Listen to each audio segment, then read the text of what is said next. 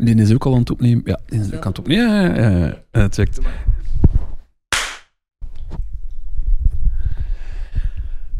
Maar ik, weet, ik zit hier met een gigantische smile. Ik weet dat hij nu ook wel weer het, de glimlach hebt teruggevonden.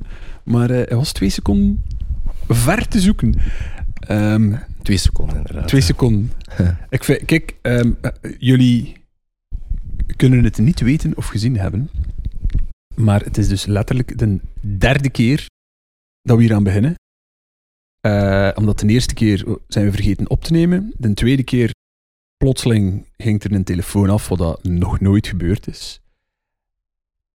En ik vind dat zo ironisch mooi, want het onderwerp van deze podcast, Is leren op je tanden krijgen.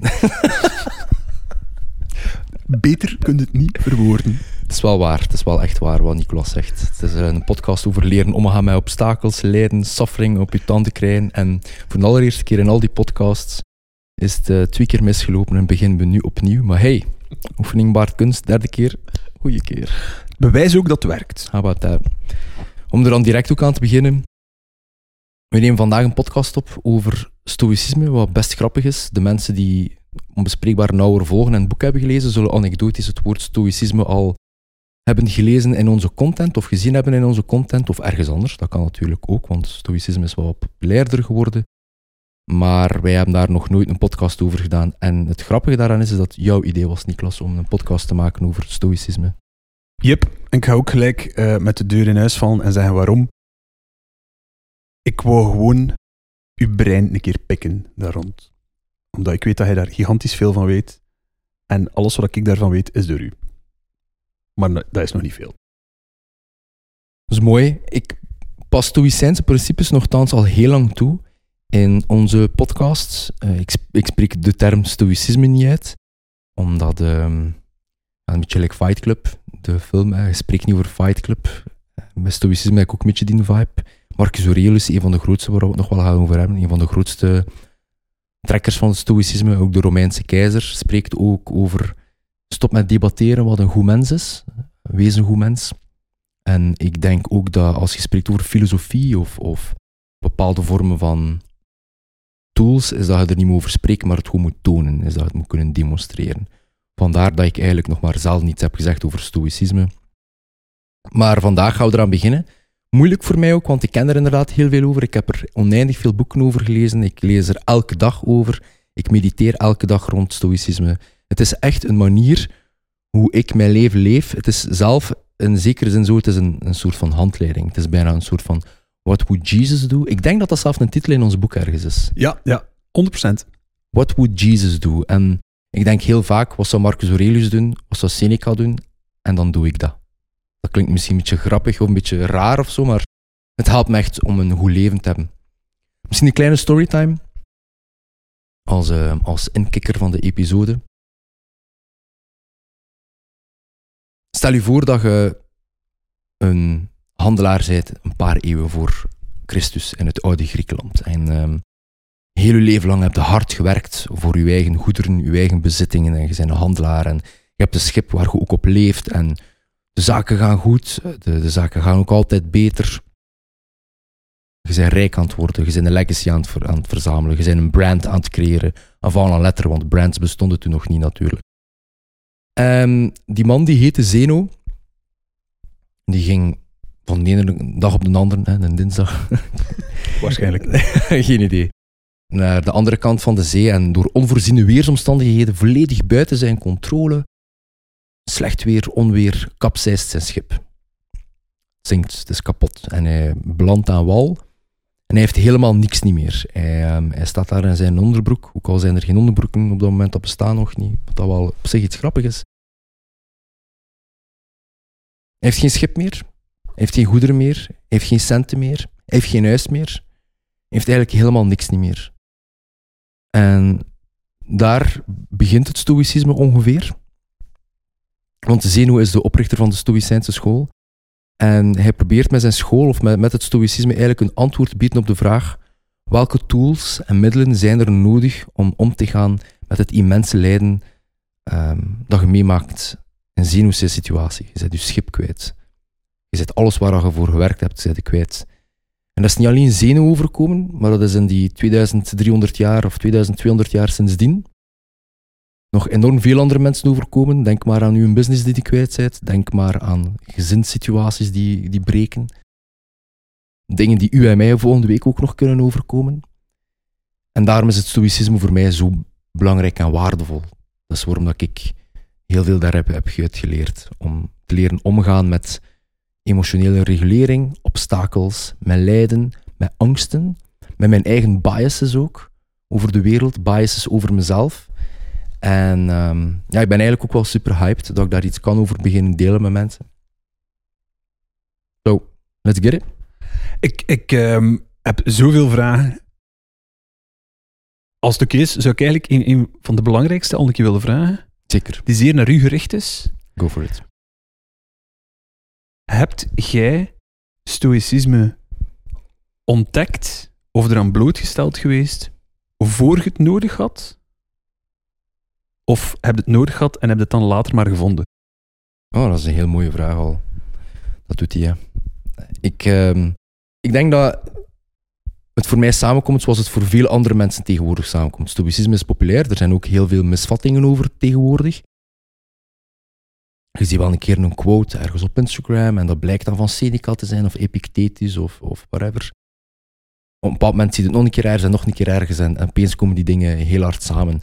Voor mij, waar dat ik heel hard begon fan te worden van het stoïcisme, is, is ja, hoeveel jaren terug. Het is moeilijk om te zeggen, maar dat ik de kruisbestuiving begon te zien tussen mijn eigen research dat ik deed naar stoïcisme, Taoïsme, ehm, neurowetenschap en, eh, en CBT, of in, in het Nederlands CGT, eh, ehm, Cognitive Behavioral Therapy. In het Nederlands zou het dan met gedrag zijn. Ja. Ja, inderdaad. ehm cognitief gedragstherapie.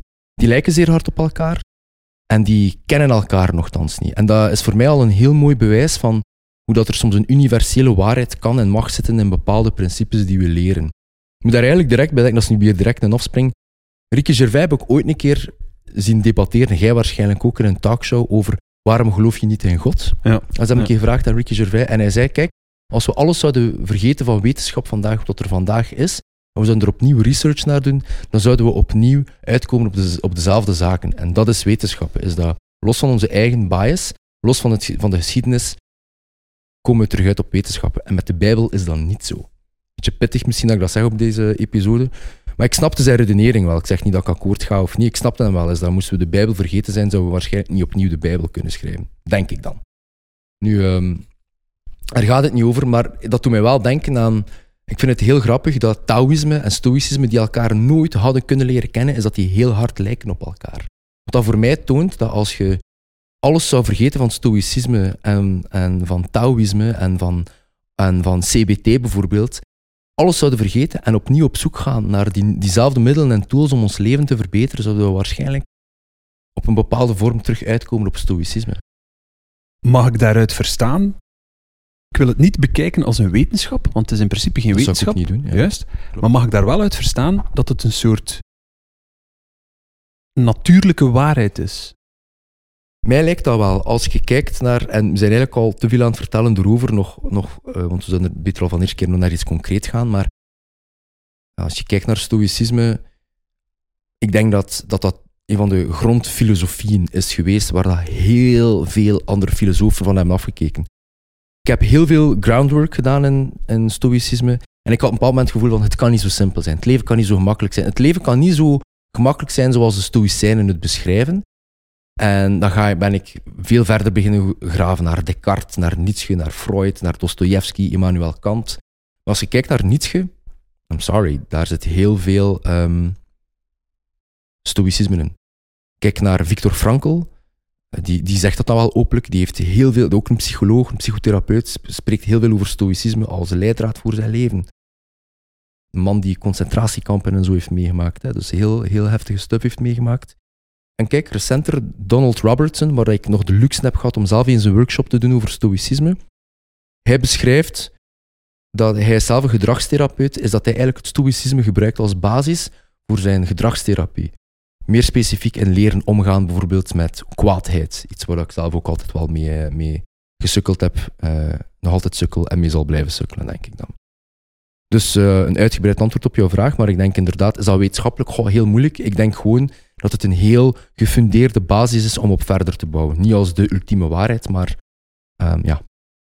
Om, omdat, ik ga daar misschien later wel nog een keer op terugkomen.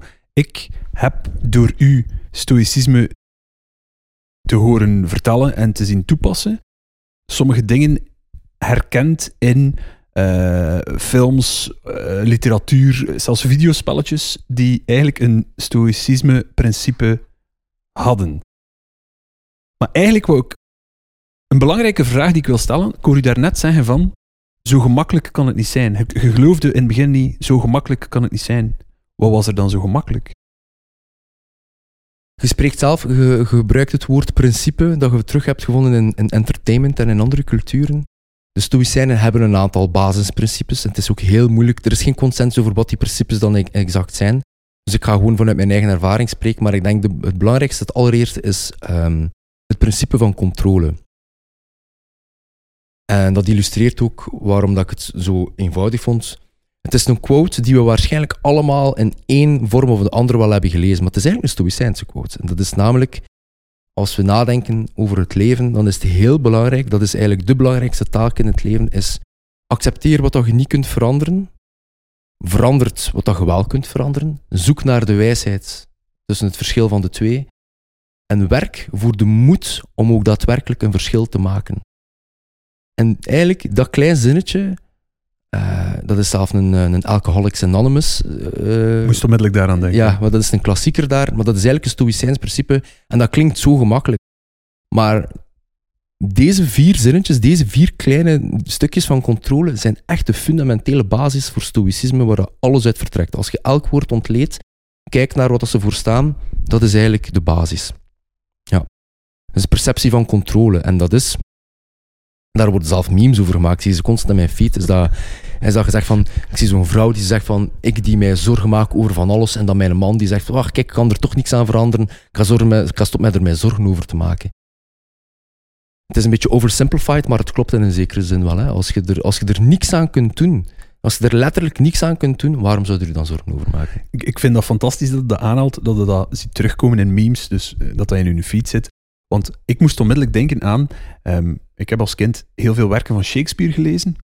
En in Hamlet is er een stuk die zegt, er bestaat niets slecht of niets goed, dus hoe we erover denken. Mm. En in principe is dat toch ook, als ik het juist versta, ook mm. stoïcisme. Ja, dat is, dat is een goeie. Hè? Dat is uh, een tweede principe naar mijn mening, denk ik, is de perceptie van, van perceptie op zich. Ik wist dat niet van Shakespeare. Ja. Dat, dat wist ik niet. Hamlet. Hamlet, ja. Hmm. Interesting, kan ik je bekijken. Ik wist dat niet. Dus, uh, ja, kijk, en ofwel is hij daar zelf op gekomen, ofwel heeft hij dat afgekeken van de, stoïci van de Stoïcijnen. Wat dat either way goed is, want dat wil ook weer zeggen van het is iets wat dat werkbaar was voor die personen in die tijd. De perceptie van perceptie vind ik een hele belangrijke.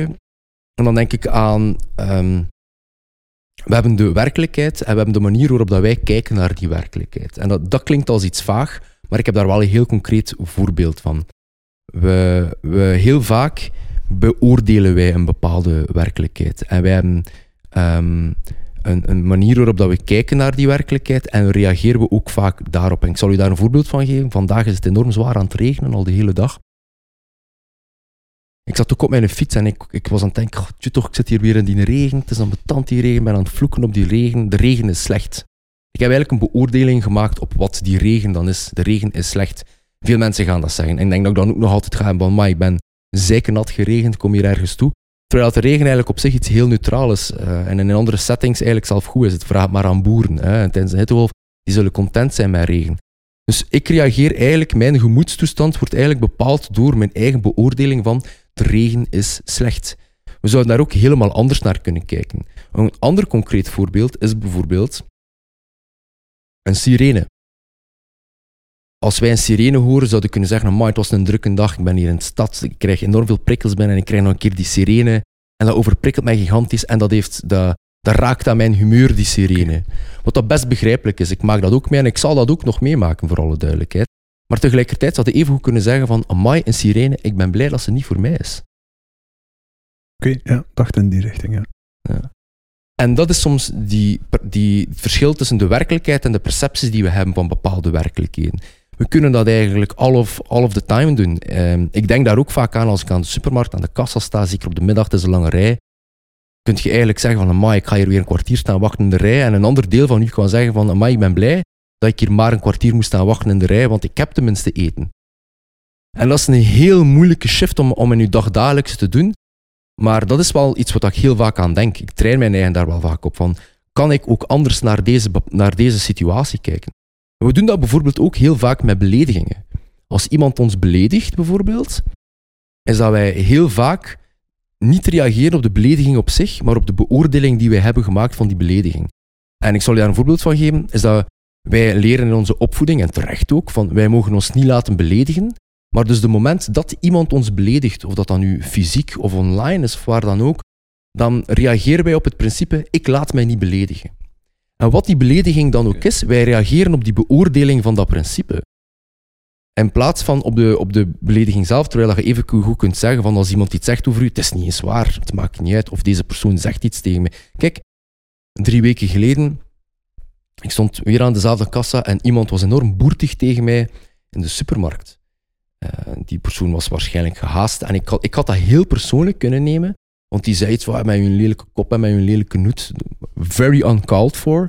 Maar ik voelde daar niets bij, wat dat echt voor mij een dank was van mijn stoïcijnse trainer, omdat ik op dat moment direct door had en echt in een, een fractie van een seconde door had van die persoon, die, die maakt iets mee, die duwt dat naar buiten en even hoe had jij daar kunnen staan en ging die dat ook over u, ging, ging die ook tegen u gezegd hebben met uw lelijke kop. Ja, dat had in principe niets meer met u te maken. Nee, dat had niks met mij te maken. Maar met de situatie. Maar met de situatie. En dat zijn zo die kleine percepties die je kunt doen van, oh, ik ga mij hier niet laten doen en, en ik ga hier van mij afbijten. En dat is vaak gereageerd meer op een beoordeling van de werkelijkheid heb gemaakt, meer dan de werkelijkheid.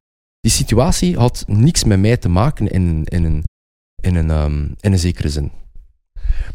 Ik, ik denk ook te verstaan, ik wil, ik wil zeker niet voorop lopen op sommige dingen. Oh, ik had anders vragen.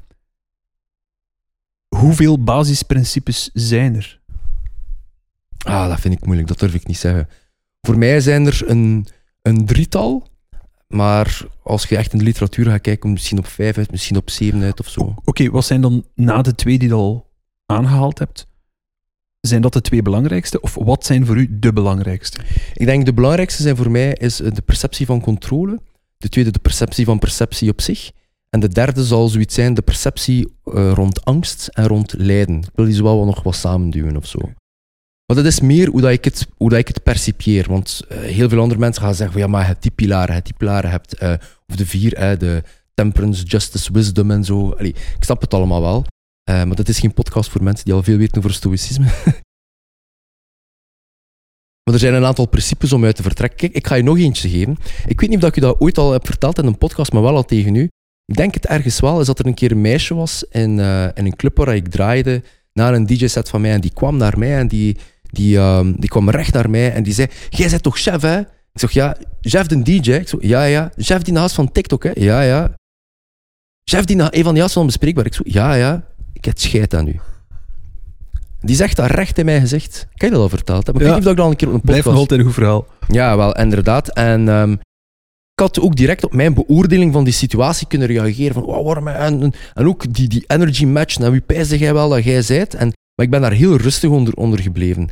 Um, ik heb die persoon laten spreken van, en, en, en waarom is dat dan zo? Of, of wat dan ook. En kijk, wat blijkt is dat die persoon zelf voor psychologie aan het studeren was en zelf met een aantal trauma's in de rugzak zag dat die persoon op mij aan het projecteren was. En na een kwartier gesprek, dat meisje wordt heel emotioneel en zegt van oh, het spijt me, ik had niet zo reageren, mogen reageren. Die barst in tranen uit en staat eigenlijk te wenen op mijn schouder. En die situatie had er nooit kunnen zijn als ik heel heftig had gereageerd. En twee, het is een fundamenteel bewijs dat heel veel dingen die gebeuren in ons leven een wervelwind van toevalligheden zijn. Dingen die, die naar ons toekomen, waarvan dat wij een deel uitmaken, maar, maar wie ben ik om daar een, een, Die persoon kent mij niet eens. Waarom zou ik eh, opeens in mijn gat gebeten zijn van ah, ik heb, ik heb scheid aan u. Ook al is dat zo'n heftige uitspraak. En vijf jaar geleden had ik daar wel heel fel op gereageerd. Dat weet ik. Dan zou ik daarop gezegd van, wie pijs jij wel dat jij zei. En nu um, kan ik daar heel cool op reageren. Denk maar aan hoe dat wij soms tussen elkaar al een keer kunnen lachen met heb je gezien wat die persoon over ons heeft gezegd online? Haha, inderdaad. Omdat wij weten van het is niet eens waar, het heeft niet met ons te maken. En omdat wij ondertussen ook hebben geleerd dat mensen soms een deel van hun eigen achtergrond of hun eigen ervaringen op ons projecteren, omdat wij een gemakkelijke scapegoat zijn. En weet je wat? Ik vind dat niet altijd aangenaam, mensen, maar ik kan dat soms wel accepteren wat dat is. En zeker als dat dan nog een keer leidt tot situaties, zoals met dat meisje die dan zegt van sorry, ik had niet zo mogen reageren. Het is omdat ik me dit en dit en dit en dat zit en ik projecteer dat dan op jullie. Ze heeft dat niet letterlijk zo gezegd, maar dat is me wel enorm bijgebleven, die anekdote. Verstaanbaar ook waarom. Want zeker als je dat dan onder het licht ziet van hoe jij stoïcijns met een situatie handelt, past dat daar toch perfect in. Het, het geeft ook een, een, ehm, het is ook een mooie metafoor op het verschil tussen, uh, tussen stimulus en, en, uh, en respons. Dus Victor Frankl, waar ik het over had, ik denk dat zijn meest beroemde citaat is tussen de stimulus, dus de prikkel die binnenkomt, en de respons, is er een ruimte. En dat is de tijd, dat is de ruimte die jij moogt en kunt claimen om te kiezen hoe jij reageert op die prikkel.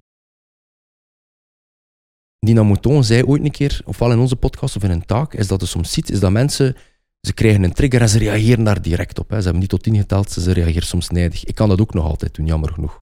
En Victor Frankl zegt daar ook van, kijk, er komt, u, er komt iets binnen en jij kunt voor jezelf even nadenken, hoe ga ik hierop reageren? Moet ik hierop reageren? Elon Musk zie je dat soms doen in interviews. Echt zo 15 seconden wachten totdat hij op iets reageert. Tijd ervoor nemen. Keanu Reeves doet dat ook. Vind ik fantastisch. Meer mensen mogen dat doen. Ik doe dat soms ook in podcasts. Van, ik ga hier even over nadenken voor ik reageer. Er is niks mis mee. Dat komt niet onzeker over. Integendeel. Nadenken voor gesprek. Maar dat is, dat is een heel mooi principe van, moet ik op, hierop reageren? Heeft het iets met mij te maken? Om ook even tot rust te komen op die bepaalde prikkel. En um, dat is ook iets wat je, wat je elke keer kunt leren. Is dat je ziet een reactie online. Moet je hierop reageren? Wat kun je hierop reageren? En dat is ook een manier om te werken aan je emotionele maturiteit, vind ik. Och, er komt iets binnen. Er, iemand heeft commentaar. Hoe ga ik erop reageren? Ja. En mij heeft dat al enorm veel um, geholpen. Seneca zegt ook altijd: um, we zien meer af in onze verbeelding dan in de realiteit. Ja, ik denk dat zeer sterk. Ja, ik denk dat dat mijn top drie favoriete Stoïcijnse quote is. En Epictetus voegt daarbij toe, hij die afziet voor het nodig is, ziet meer af dan nodig is. Dat vind ik fantastisch. Hoe vaak um, gebeurt er wel niet iets waarvan dat wij, oh, morgen gaat dat gebeuren, of dat gaat gebeuren, of dat gaat gebeuren. En het is nog niet zo ver. En wij we beginnen ons eigenlijk al zorgen te maken voordat het nodig is en alles komt dan toch in orde. Denk aan de klassieke faalangst. Denk aan faalangst voor een examen. Ik ga buizen voor een examen en dat gaat gebeuren en mijn leven gaat voorbij zijn als ik buis voor dat examen. En uiteindelijk geslaagd ervoor en je hebt u meer zorgen gemaakt dan nodig is. Het principe is wel is dat, is dat we nooit in ons leven zeker kunnen zijn of dat iets goed of dat iets slecht is. Jij kunt vandaag je ontslag krijgen op je job, waardoor dan een scouter van een ander bedrijf ziet dat jij je job kwijt bent en jou oppikt of zo. En waardoor u een droomjob geeft. Er kan iets verschrikkelijk met u gebeuren vandaag en, en dat dat eigenlijk een ticket is naar het beste dat u ooit is moeten overkomen. En we hebben een bepaald oordeel over dat ons leven zou moeten zijn. Maar dat oordeel is biased, we weten het niet. Eigenlijk vind ik dat fantastisch dat hij dat vertelt. En omdat voor mij geeft dat meer body aan zo het uh, alles gebeurt voor een reden zeggen. Ja, Want het alles gebeurt voor een reden is soms sussend. Ja. En ik ben daar niet altijd mee gediend. Maar door wat hij nu vertelt, is dat wel onderbouwd. En is het zo van... Ja, kijk, maar dat kan echt ook zo. Juist? Ja, absoluut. Ik denk dat we allemaal in ons leven, als we daar een keer op terugkijken, dat we allemaal wat dingen hebben meegemaakt die eerst negatief waren en dan toch nog tot iets, iets goed zijn uitgedraaid. Ik ga nu iets heel bizar vertellen, maar even hoe um, zeg je, ga hij buiten wint jij de lotto? Zegt je, chef, ik heb de lotto gewonnen, goed hè. En dan kan ik hè, de Chinese boer spelen en zeggen tegen ik weet niet of dat goed is. En hij zegt, fuck it. Zegt ik ga um, naar de States en zit het vliegtuig dat juist uh, naar Lost Island gaat, right? Yikes. Ja. Serieus? Serieus? Het is misschien wat ver gezocht. Nee, nee, nee. maar, Die, maar die facetten spelen wel elke dag in ons leven. Uh, er, zijn, er zijn heel slechte dingen die ik heb meegemaakt de laatste jaren, die er wel voor hebben gezorgd dat, uh, Kijk, stom weg. Ik had geen kraakbeen meer in mijn knieën toen ik 15, 16 jaar was door te veel gevechtsport te doen. waardoor dat ik niet meer mocht sporten en DJ ben geworden. Weet, weet wat ik daar ook zeer mooi aan vind? Het is niet alleen belangrijk om, als er iets slecht gebeurt, van het goede er te proberen van inzien, of u niet alleen te focussen op hoe slecht het is, maar volgens mij is het dan ook belangrijk van als er iets goed gebeurt, gewoon een keer stil te staan bij wat dat daar allemaal aan vasthangt. Juist? Ja. Soms het principe van een vergiftigd geschenk, bij wijze van spreken. Ja. Je kunt soms iets heel goed tegenkomen dat dan blijkt echt helemaal niet ideaal te zijn of zo. Maar het sluit ook wel naadloos aan bij, ehm, bij een van mijn favoriete principes, is het Amor Fati-principe. Daar, ja, je kunt dat nu niet ho- horen natuurlijk, maar als je het ziet, is dat deze Romeinse helm symboliseert het Amor Fati-principe. En Amor Fati is eigenlijk ehm, los vertaald als eh, houden van het lot. Mhm. Ja, we proberen altijd onze toekomst in de hand te houden, maar we hebben helemaal geen controle over onze toekomst. We hebben helemaal geen. ehm, we kunnen niet beslissen wat, dat er, wat dat er gebeurt op het moment dat we hier buiten stappen in dit kantoor. We kunnen alleen maar beslissen hoe dat wij reageren op, op wat dat er gebeurt, op wat dat er ons overkomt. En Amor Fati is, is voor mij daar een heel mooi voorbeeld van. Denk aan een brandstapel, eh, waar dat alles wat dat we smijten op de brandstapel, eh, de obstakels die op ons pad komen, gaat dat ervoor zorgen dat het vuur uitdooft of gaat dat ervoor zorgen dat het vuur alleen nog maar sterker wordt? En zo kunnen we heel veel dingen bekijken in ons leven. We, gaan, we lopen op een bepaald pad en iets negatiefs kom- overkomt ons. Gaan we dit ons laten breken? Gaan we ervoor zorgen dat het ons kapot maakt? Of gaan we er net voor zorgen van, hier ga ik sterker uitkomen? En dat is niet altijd even gemakkelijk, maar er zijn wel heel veel instanties waar dat wel werkt voor mij. Waar dat ik ook enorm moet aan denken is ehm, hoe, hoe meer dat ik u die tools heb zien gebruiken en, en ik heb u er echt zien in groeien. Ik, heb u, ik, kan echt zeggen dat ik u een betere mens heb zien worden. Daarmee wil ik niet zeggen dat een slechte mens waart daarvoor. Ik heb u een betere mens zien worden door principes toe te passen en, en op een andere manier te denken over hoe jij in het leven staat uit de dingen die je uit stoïcisme hebt gehaald. Nu, wat dat voor mij ook een, belangrijke vraag is naar u toe, is... Je hebt nu al een paar voorbeelden aangegeven dat er dingen zijn die nooit in aanraking zijn gekomen met de grondleggers van stoïcisme, die ook wel stoïcijnse principes hebben beginnen toepassen. Juist? Nu, als ik denk binnen popculture, wat dat voor mij altijd een voorbeeld is van stoïcisme, zijn cowboys. Misschien raar dat ik dat zeg, maar er is een toevallig iets die, die twee keer is gebeurd dat ik dacht van, dat kan echt geen toeval zijn. In de film No Country for Old Men speelt Tommy Lee Jones een enorm recht door zee character. Zeer, dat is mijn doel, daar ga ik op af. En in het videospelletje Red Dead Redemption heb je ook een cowboy, John Marston, die ook zeer recht toe recht uit is.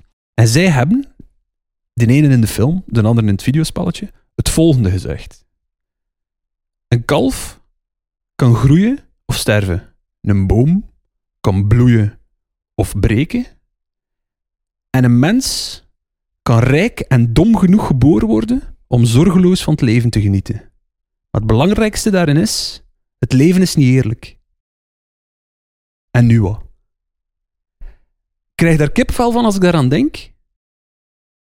Want het feit dat die cowboys dat binnen hun setting zeiden, was voor mij zoiets duidelijk waarin dat ik verstond waarom zij met een hard leven konden omgaan. Zonder te zagen over het feit dat ze een hard leven hadden. En dan denk ik altijd, omdat ik het u ook heb zien toepassen, soms op de, op de diepste punten van uw leven, sorry dat ik het u zeg, Mm. maar is het juist dat stoïcisme ook inhoudt, het leven is niet eerlijk. Maar, en dan? Uw verhaal doet mij denken aan een eh, anekdote van. Een anekdote aan het leven van Epictetus. Omdat het stoïcisme kan en werd zowel toegepast bij de rijkste mensen in de maatschappij als de armste mensen in de maatschappij. Denk aan Marcus Aurelius, Romeinse keizer, machtige man.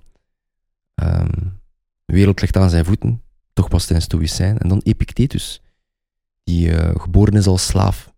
En die zijn hele leven in. ehm, ik denk dat hij de OG stoic was, by the way.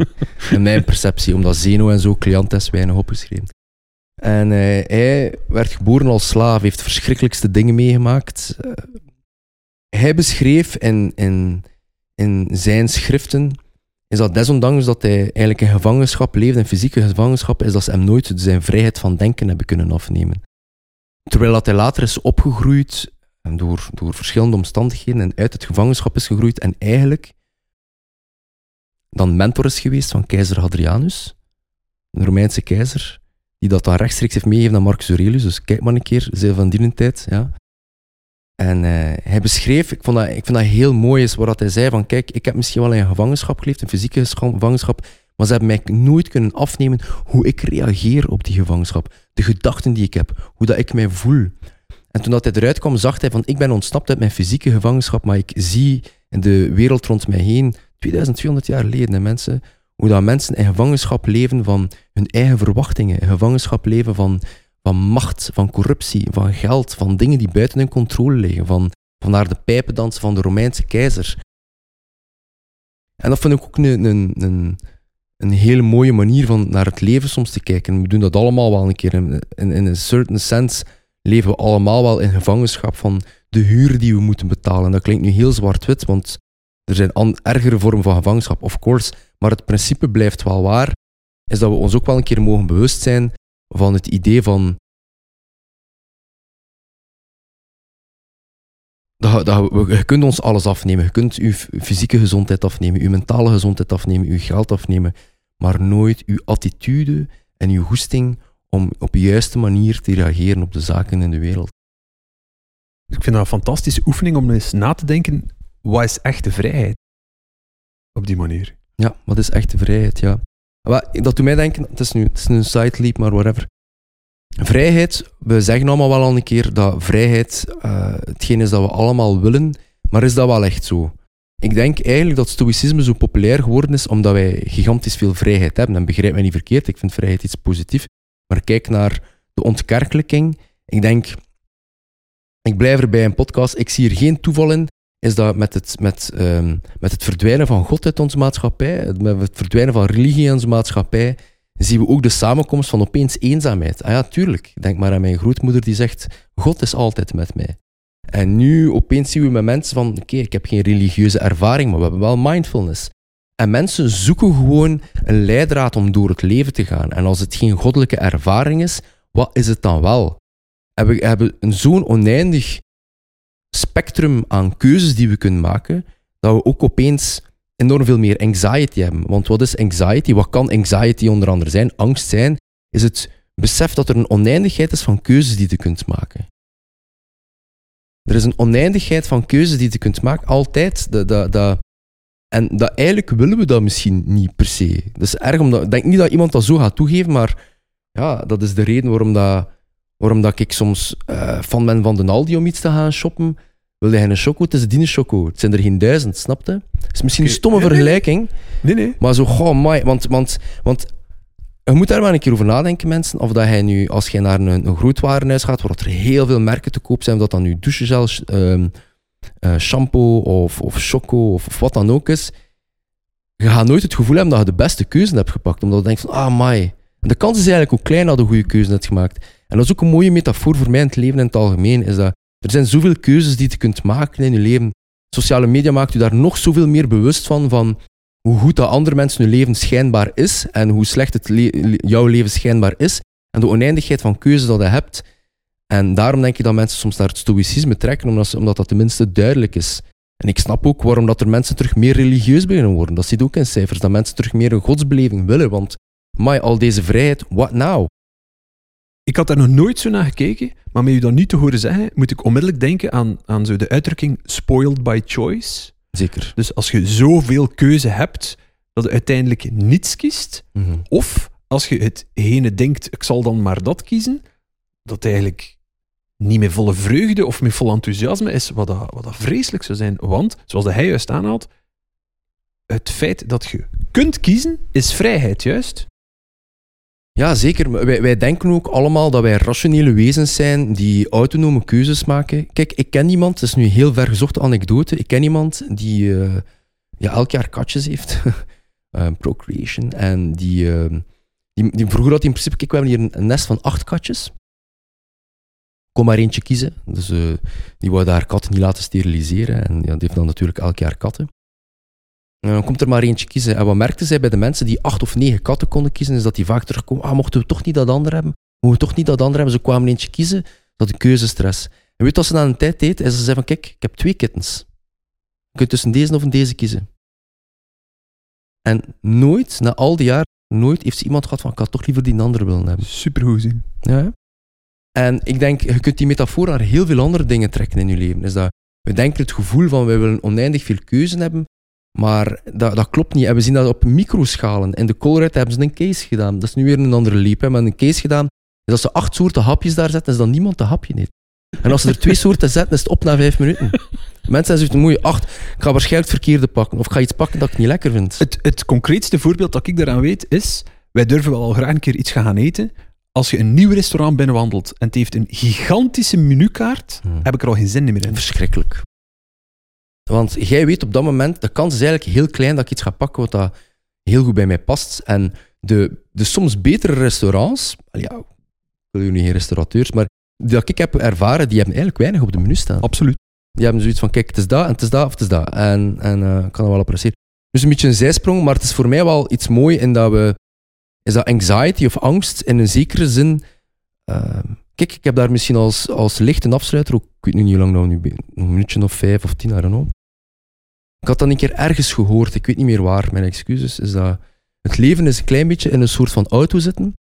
En die een auto die is altijd aan het rijden. We kunnen niet meer op de gas duwen, we kunnen niet remmen, uh, remmen sorry, maar we hebben wel een stuur. En we kunnen kiezen of we naar links gaan of dat we naar rechts gaan. En het leven gaat maar voort, of we het nu willen of niet, dat klopt. Morgen is een nieuwe dag, elke dag 24 uur. Er is morgen een nieuwe dag, 24 uur in een dag. En we, er zijn een oneindigheid aan bestemmingen dat we kunnen gaan, maar we kunnen niet stilstaan en we kunnen ook niet sneller gaan. En we rijden in een soort van mist. En we vragen ons af, waar kan ik met mijn auto naartoe gaan om ervoor te zorgen dat er geen mist niet meer is? En we zoeken eigenlijk in ons leven naar waar is er geen mist niet meer. En van tijd tot tijd komen we op een plek waar er opeens geen mist niet meer is. En we pakken een afslag en er is opeens terug wel mist. En dat is een heel mooie metafoor in mijn hoofd waar ik vaak aan denk, is dat we hebben eigenlijk niet te kiezen of dat de auto rijdt of niet rijdt. We hebben ook niet te kiezen over de mist. Maar we hebben wel te kiezen over of dat we aan het stuur draaien, of dat we naar links gaan, of dat we naar rechts gaan. En nog belangrijker, hoe dat we ons ondertussen voelen in die auto. De mist is een constante. Ze komt, ze gaat, ze is er voor altijd of ze is er nooit niet meer. Out of our control. Niet op de rem staan, er is niks in die auto, je kunt naar links of naar rechts gaan. En ik denk dat de oneindigheid aan keuze die we vandaag ervaren in onze maatschappij gigantisch veel bijdraagt aan dat gevoel van angst dat wij ervaren amai, heb ik de verkeerde afslag gepakt? Heb ik de verkeerde keuze gemaakt? En stoïcisme helpt ook mij daarmee, met, met juistere keuzes te maken. Welke keuze kan ik maken in mijn leven waar ik achteraf gezien geen spijt van heb? En dat is een heel moeilijke oefening waar je alle dagen moet mee bezig zijn, vind ik. Mag ik u nog, um, om, om zo half af te sluiten, toch nog twee vragen stellen? Zeker, ik heb ook echt het gevoel dat ik hier nog niet zoveel heb gezegd in de podcast, dus een part 2. Of, ik, of iets zou er zeker niet vies van zijn. Want of vijf concretere tips of zo. Het is echt een beetje een inleiding en that's fine, maar... Uh, wel, ja, bon. een van mijn vragen ging echt letterlijk zijn... Ik geloof wel dat er mensen zijn die nu kijken of luisteren, uh, die misschien een beetje schrik hebben. En, en dat is misschien ironisch, maar van... Oké, ik zie hoe het mij kan helpen, maar dat vraagt wel veel keuzes van mij, veranderingen van mij ik geloof dat er wel zo mensen zouden kunnen zijn die een beetje dat gevoel hebben.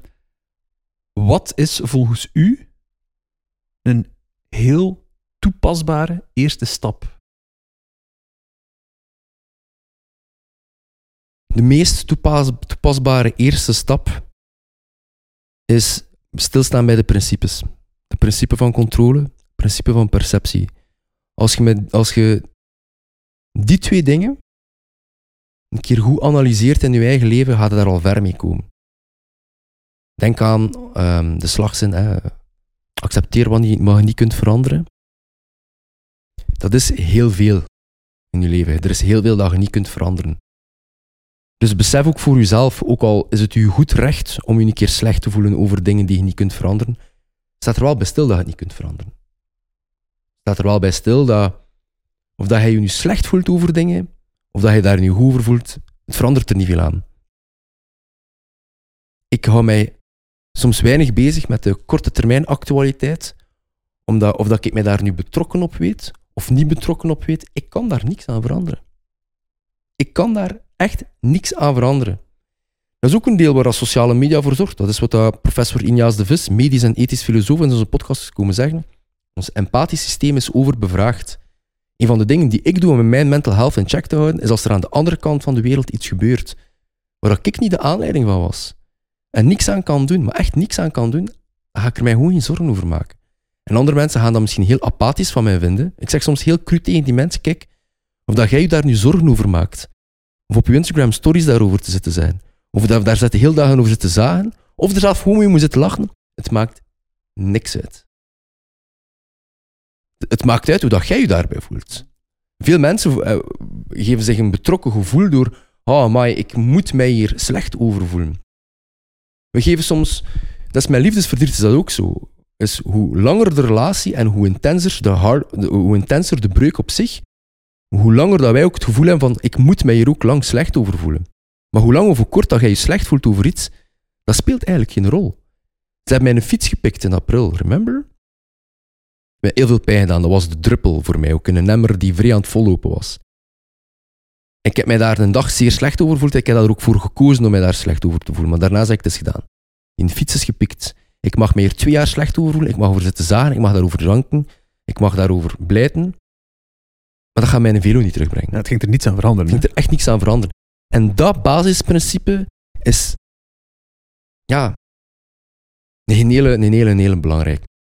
Het mooiste eraan is, vind ik, en ik weet dat ik daar misschien bij een paar mensen tegen hun kar ga rijden, ik versta daaruit, ik zeg niet dat hij dat gezegd hebt, maar ik versta daaruit, in sommige situaties moet je het gewoon loslaten, of moet je gewoon zeggen, oké, I'm over it. Maar belangrijk is dat jij dat zegt. Dus het is niet iemand anders die tegen nu zegt van, zeg, Zeg je daar nu nog lastig van of zeg je daar nu nog mee bezig? Zeker. Het belangrijke is dat jij zelf, zelf die keuze maakt, zelf die kracht neemt bij, bij u legt om te zeggen: Ik wil hier niet meer onder lijden. Ik vind dit niet meer erg. Mag ik dat als tip meenemen uit hetgeen die ik nu beter versta uit stoïcisme? Dat, mo dat mocht je zeker. Ik zal zelf afsluiten met. Ehm, Misschien met de, dat doet mij denken aan een misvatting rond het stoïcisme. Zeker opeens, recent zie ik dat overal, is dat stoïcisme is niet. Um, stoïcisme draait niet rond het, het verwijderen van emoties in het algemeen. Um, dat is heel bizar om, om ook te geloven dat dat zou kunnen.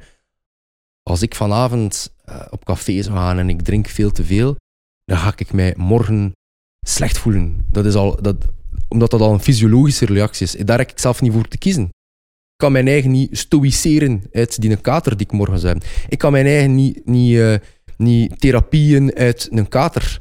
Bepaalde emoties overkomen je gewoon. Je hebt daar niet altijd in te kiezen. Dus stoïcisme is niet het verwijderen van die emoties. Nee, het is net de domestication van emoties. Dat is een, in het Engels kan dat moeilijk zijn. Het is een soort van, oké, die emoties zijn er.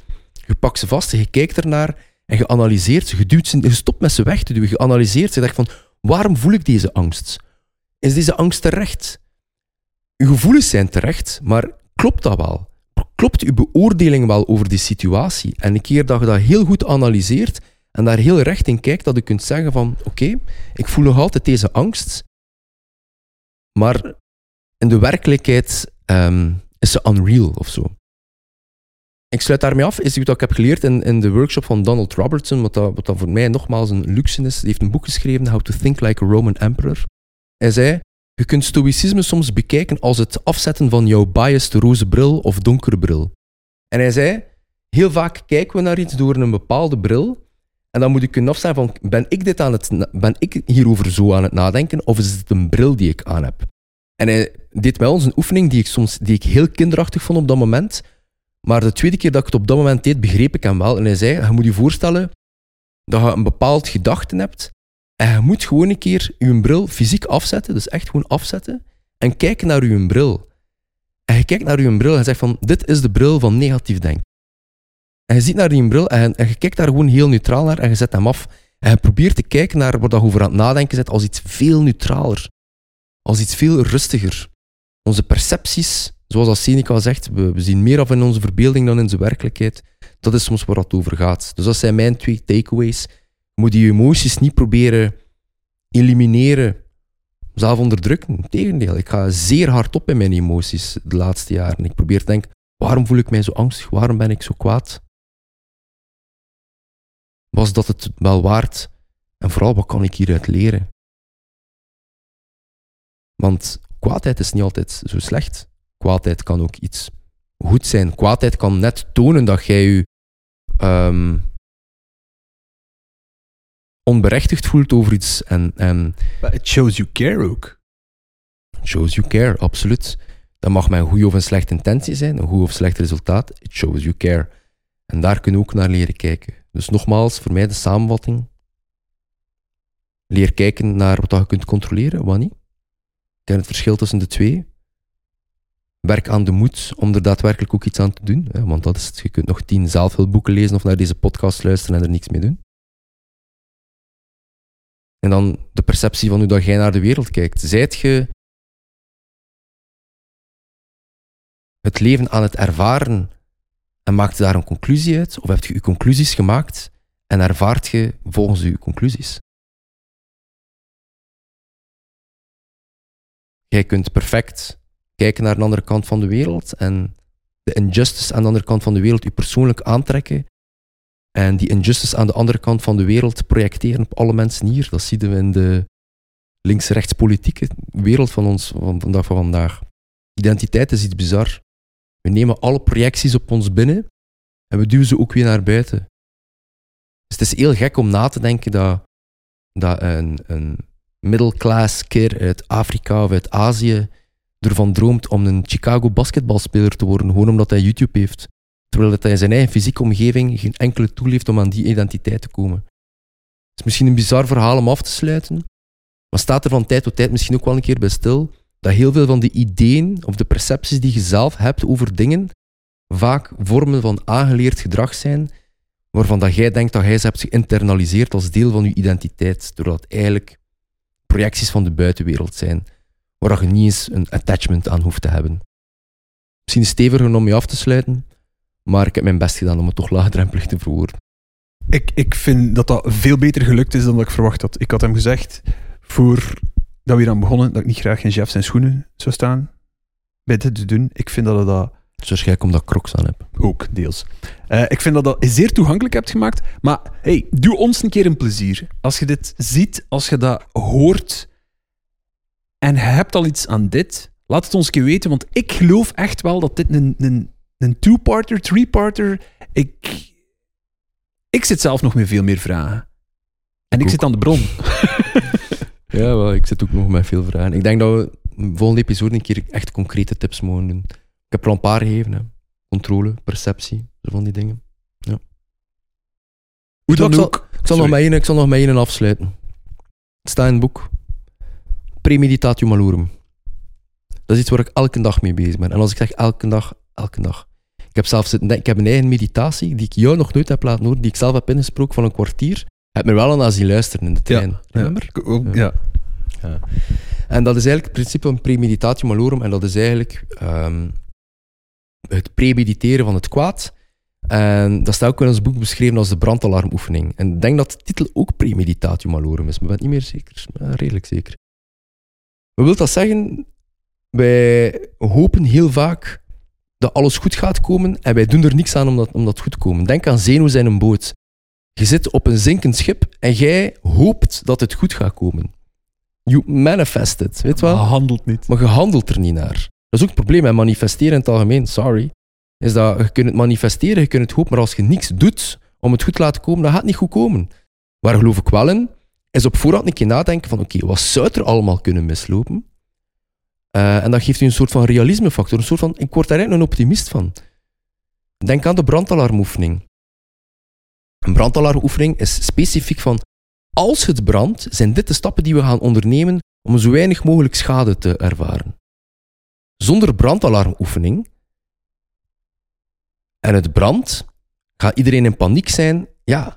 En ga, kun jij wel hopen dat de school niet afbrandt of dat de, dat, dat de, dat de werkplaats niet afbrandt. Maar zonder hoop, zonder tools, zonder voorbereiding, zonder voorbedachte raden op wat er op dat kwade kan gebeuren, zou het wel een keer kunnen zijn dat jij je droom of je gebouw of whatever in rook ziet opgaan. Dat is iets wat ik heel vaak doe van oké, wij doen een nieuw project, jij en ik, of ik op mijn alleen, wat zou er allemaal kunnen fout lopen? Morgen moet ik gaan draaien. Oké, het is noodweer. Het zou wel een keer... Ik ben erop voorbereid dat ik morgen opsta voor mijn boeking. Op Tomorrowland, by the way. En dat ik opsta en ik een bericht krijg van kijk, het is noodweer. Je moet vandaag niet komen spelen. Gebeuren, Ik bereid er mij mentaal op voor dat wij, dat wij ehm, dat onze notto gaan overlopen. Of Ja. Het zijn Ja. wel van die heel kleine dingen. En je kunt hopen dat dat niet zo is, maar je kunt ook zeggen van oké, het kan misschien gebeuren. Wat kan ik nu doen om ervoor te zorgen, als het gebeurt, dat de schade minimaal is? Ofwel ervoor zorgen, binnen het mentale gedeelte, dat ik tenminste niet zo teleurgesteld ga zijn. Een belangrijk deel daaraan vind ik ook, waarom zou je het niet doen? Want bijvoorbeeld een brandoefening, je verliest daar niet aan. Zeker, klopt. Als in de tijd en energie die erin steekt, oké, tot daar. Maar als je dat nooit van je leven nodig hebt, perfect. Maar je verliest er niet aan. Mhm. Ja. En als afsluiter, ook al ik het een paar keer gezegd, is dat ehm, een deel daarvan is ook is u elke dag voorbereiden dat de slechte mensen gaat tegenkomen. Ehm, en dat je stopt met de waarom gebeurt dit met mij mentaliteit, maar dat je gewoon accepteert dat het gewoon gebeurt omdat dingen gewoon gebeuren. Diefstallen zijn er altijd geweest, ze zullen er altijd zijn. Mensen zullen altijd boertig zijn. Mensen zullen altijd gemeen zijn. Mensen zullen gaan niet op uw gezicht kunnen kijken, for no reason. Gewoon omdat, dat, omdat ze zo zijn, of omdat uw gezicht ehm, hen doet denken aan een ex of wat dan ook. En dat is in uw eigen leven ook zo. We moeten daar niet hypocriet over zijn. Er is sowieso een acteur waar jij nu als luisteraar aan denkt, waar je niet op kunt kijken omdat zijn stem niet graag hebt, omdat hij zijn gezicht niet graag hebt, omdat hij omdat kleur van zijn broek, allemaal van die stomme dingen. En dat is een zeer irrationeel respons van ons vaak. Maar wij zijn zo als mens. Waarom zou jij daar dan de uitzondering van zijn? Ik weet, sommige, sommige mensen kunnen op mijn kop niet kijken omdat hun, hun, hun ex ook Jeff noemt. Het is soms zo stom. En, en ik trek mij dan niet altijd aan. En dat hoort daar voor mij ook heel hard bij. Ik kom buiten uit mijn kot en ik bereid mij voor op iemand die onbeleefd tegen mij gaat zijn, iemand die mij gaat voorsteken in de rij. Wat had je dan gedacht? Mensen zijn zo. Waarom zou u dat zo, zo aantrekken? Houd er gewoon rekening mee dat een procent van de maatschappij zo is. Als ondernemer weten we dat ook maar al te goed. Ehm, er is een percentage van pakketjes die hier de deur uitgaan, die, ehm, die terugkomen. Er is een percentage van pakketten die nooit toekomen. En dan kan ik elke dag zeggen, goh, dat pakket, het is weer verloren, het en dat. Nee, het hoort erbij. Vandaag ben ik opgestaan en er is, tuurlijk, gaat er iets fout. Je mocht er zeker van zijn bij Julie's House, maar taart, dat een percent van haar taart is slecht gaan. For no reason. Iets waar ze niks kan uit leren. Jullie, als jullie op het einde deze podcast afsluiten, gaan naar buiten gaan. Misschien met een goed gevoel. en Gaan zeggen van, ga snel nog naar de lijsten. Of, ik wil nu hier reclame maken. Ga snel nog naar de supermarkt, ga iets gaan kopen. Persoon voor je ga je voorsteken. Ga, ga boertig doen. Ga iets... eh, ga een fles hebben laten vallen en ga het op je steken. Het gaat niks met je te maken hebben. Je gaat daar gewoon een deel van geweest- geweest zijn. De wervelwind van toevalligheden. Dat is vaak hoe dat ik kijk naar het leven. Zo. De wervelwind van toevalligheden waar ik een deel van uitmaak. Het is niet... So why does this happen to me? Ja, blijf, mij, blijf mij doen denken aan die cowboys die zeiden, life's unfair, so what? Ja, dat is dat. Alright. Afsluiten? Dat vond ik al een pittige, ehm, maar ik kijk al uit naar deel 2, 3 en we maken er gewoon een serie van. Dat is dat. See you at the next. Doodles.